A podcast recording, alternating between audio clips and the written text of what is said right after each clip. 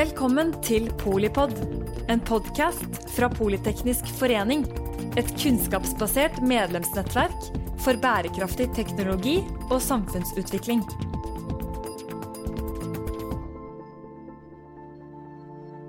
Vi skal snart få opp eh, dem som har sittet i utvalget, eh, og høre hvilke diskusjoner de har hatt i eh, det året som har gått. Men vi starter med mottaker av rapporten, Elisabeth Sæther, statssekretær i Olje- og energidepartementet.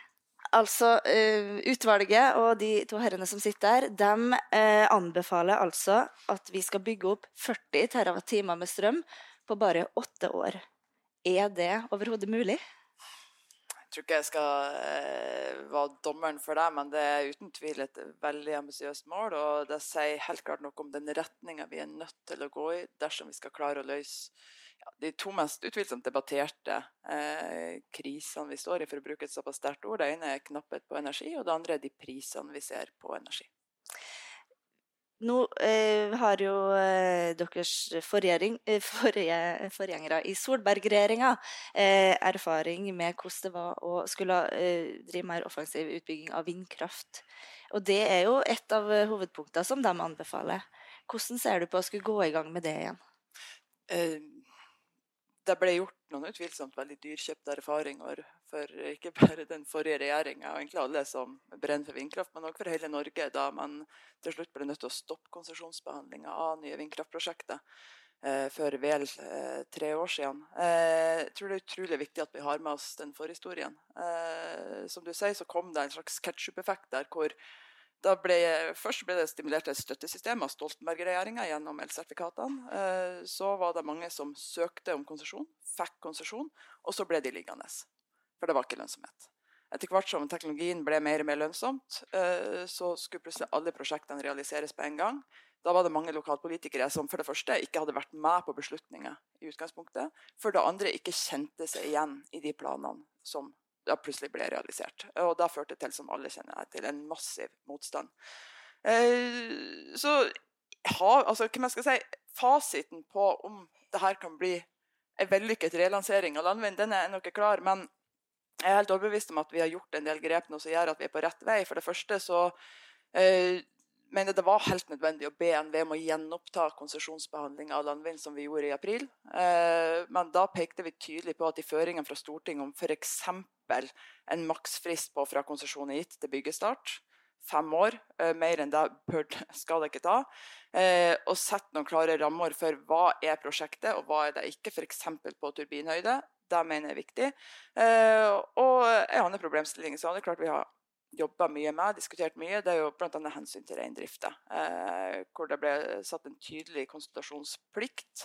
Eh, og ikke minst ser vi jo etter hvert at altså, det, å ta samiske reindriftsinteresser inn tidlig i prosessen, det er helt nødvendig for å kunne klare å skape aksept.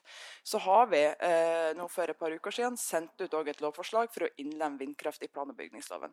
Det blir et ekstremt viktig verktøy for å gi kommunene begge hendene på rattet. Det var virkelig der vi, vi og vi, men det var virkelig der den forrige regjeringa, og for så vidt regjeringa før der òg, som Arbeiderpartiet har vært en del av, glapp forrige gang. Men nå eh, som de kommer med den anbefalinga de gjør, en veldig tydelig marsjordre, eh, altså er det mulig samtidig som kommunene får eh, vetorett? Jeg tror det. Eh, eller jeg tror ikke vi har noe valg. Eh, det å bygge vindkraft mot kommunene, og kommunene som motstander heller enn medspiller, det er nettopp den dyrekjøpte erfaringa vi gjorde i forrige runde. Og vi må bare erkjenne at det går ikke. Dette er ikke 60-70-tallet hvor staten bare kan ture fra mer kraftutbygging og si sånn blir det. Eh, vi er nødt til å ha lokal forankring, og den kommer ikke av seg sjøl. En ting er de eh, lovgrepene vi foreslår nå, hvor det blir slått fast at før konsesjon er gitt, så skal kommunen ha regulert et område. Den situasjonen vi fortsatt er i i dag på et par prosjekter, det er jo at man ga konsesjon, og så skulle man vente på at kommunen hadde satt av et planområde. Det, det har skapt stor usikkerhet, ikke minst for utbyggerne som uh, var usikre på om de faktisk fikk mulighet til å bygge. Uh, I tillegg til det så er det ingen tvil om at på samme måte som man har gjort for vannkrafta, så må òg lokalsamfunnet sette igjen med mer av den verdiskapinga som skjer på vindkraft. Det er innført en produksjonsavgift. Den har vi uh, ønska å doble. I tillegg til det så har vi et skatteforslag ute på høring som gjør at kommunene skal sette igjen med mer. Nå skal jeg ikke spå hvordan det spå og spå. Skal ikke si hvordan det lovforslaget ender, det er som sagt fortsatt i prosess, men, eller skatteforslaget, men eh, det er viktig at lokalsamfunnet sitter igjen med de verdiene som skapes, og av vindkrafta i større grad enn de har gjort tidligere. Det tror jeg er helt avgjørende for å få opp Ja, Det anbefaler jo også eh, det her utvalget. Hvis vi ser til EU, da, så EU-kommisjonen foreslår jo nå sånne go to-soner, mm. eh, som liksom er forhåndsdefinert for vind og sol, eh, der saksbehandlinga skal ta maks seks måneder. Mm. Kan det være en, eh, et grep som fungerer i Norge? Det å ha såkalte go to-soner, det er et forslag som jeg syns er spennende. Samtidig så er det nødt til å komme fra kommunene sjøl. Jeg tror ikke det er lurt at staten går inn og peker hvor det skal være vindkraft. Det var litt av det som virkelig satte fyr på debatten i forrige runde, da NVE kom med sin nasjonale ramme. Eh, men jeg vil på det sterkeste oppfordre kommuner til å se er det arealer i min kommune hvor vi kunne ha tenkt oss til å ha vindkraft allerede nå, selv om det ikke er aktuelle prosjekter som ligger i pipeline. Ta kontakt med eh, utbyggere, si at vi har arealer som vi mener kan være interessant for vindkraft. Det vil gjøre eh, prosessen går smidigere. Og det vil òg gjøre at kommunene får eh, virkelig begge hendene på rattet, som jeg tror er helt avgjørende for å lykkes. Og så er det mange som peker på et slags hurtigspor for vindkraft. og jeg har ikke lyst til at det skal gå, ta lengre tid enn i dag. Samtidig så må vi erkjenne at altså, der vi glapp i forrige runde, det var på demokratiske prosesser, det var på lokal forankring. Og jeg har ikke lyst til å gjøre den feil igjen. for det er så dyrekjøpt erfaring. Vi har tapt dessverre mye tid. Så da å si at et hurtigspor for saksbehandling på vindkraft det er veien å gå, det, det sitter langt inne for meg. Jeg har lyst til at det skal bli gjort skikkelig, ordentlig. Ikke lenger tid er nødvendig, men samtidig å sette en frist på f.eks. seks måneder. Det tror jeg ikke ganger oss i sum der vi er nå. Mm. Energikommisjonen eh, de sier jo da at konsesjonsbehandlinga i Norge tar for lang tid, og altså ønsker en halvering av saksbehandlingstida. Er det mulig å få til? Jeg skal, jeg skal, ikke svare ja eller nei på det, men jeg tror vi er nødt til å skille litt mellom eh, hva som konsesjonsbehandles. Altså, en ting er vindkraft på land, som vi snakker om nå. Det har en forhistorie som jeg tror gjør det uklokt å peke på at et hurtigspor eller fortgang er liksom rette veien til mål. Da kan vi fort risikere at vi ikke kommer til mål. Men ser vi f.eks. på strømnett, eh, så er jeg helt enig i at der må vi sette oss hårete mål for å få saksbehandling til å gå fortere. Vi har allerede styrka saksbehandlingskapasiteten i NVE og OED ganske heftig i statsbudsjettet i år. Det er jeg veldig glad for. Eh, det er helt nødvendig eh, for at vi skal kunne få mer nett opp raskere.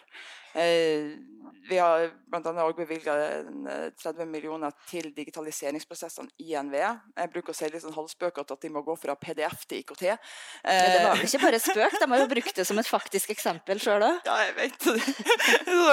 Jeg ler for det det er tidlig på morgenen, men, men jeg tror det er oppsiktsvekkende for mange når man ser hvordan f.eks. kraftsystemutredningene, som er jeg tror det er 18 ulike utredninger som de regionale nettselskapene og Statnett utarbeider hver for seg, hvor de viser det her er strømnettet i dag, her ligger behovsanalysene våre sånn som vi ser fra og her er mulige prosjekter.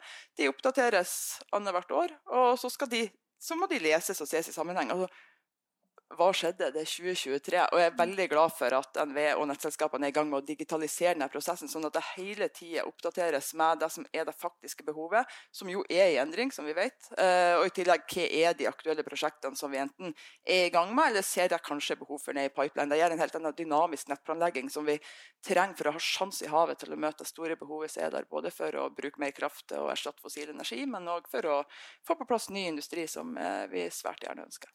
Det er sju år til 2030. Eh, og likevel så tar det altså ti, i verste fall tolv år å, mm. å, bygge nytt eh, nett.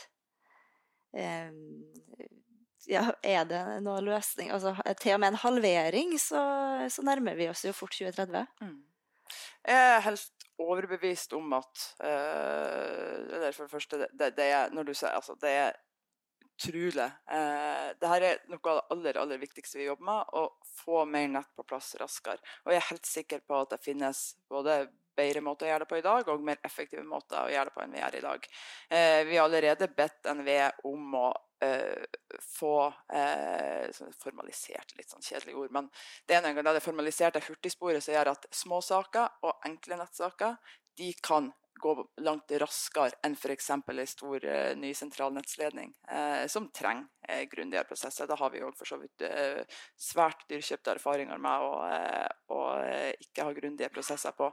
Uh, styrka saksbehandling peker jo også, altså kapasitet peker jo også NVE på, det er jeg veldig glad for. Jeg skal ikke ha liksom for mye sånn partipolitikk inn i denne prosessen. og men eh, under Solberg-regjeringa ble NVE til sammen slanka med 27 millioner pga. ABE-kutt, altså at man skulle eh, ha ostehøvel rundt hele forvaltninga. Vi har nå styrka NVE med nesten 100 millioner på ett år. Eh, det er helt nødvendig opptrapping for å ha en energimyndighet som ikke bare skal drifte energisystemet, men som skal utvikle neste eh, fase i energisystemet i Norge. Eh, men som, altså, nå, nå, skal jeg være så ærlig innrømme for dere at jeg har ikke lest uh, hele rapporten uh, som vi fikk i går. Men uh, jeg har merka meg at Energikommisjonen samtidig vektlegger de demokratiske prosessene. Og det er jeg glad for.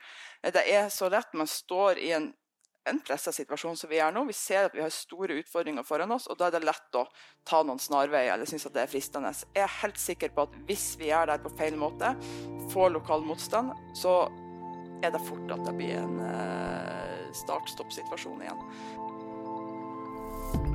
Takk for at du lyttet til Polipod fra Politeknisk forening. Få med deg flere episoder, eller bli med på nettverksmøtene som du finner på at polyteknisk.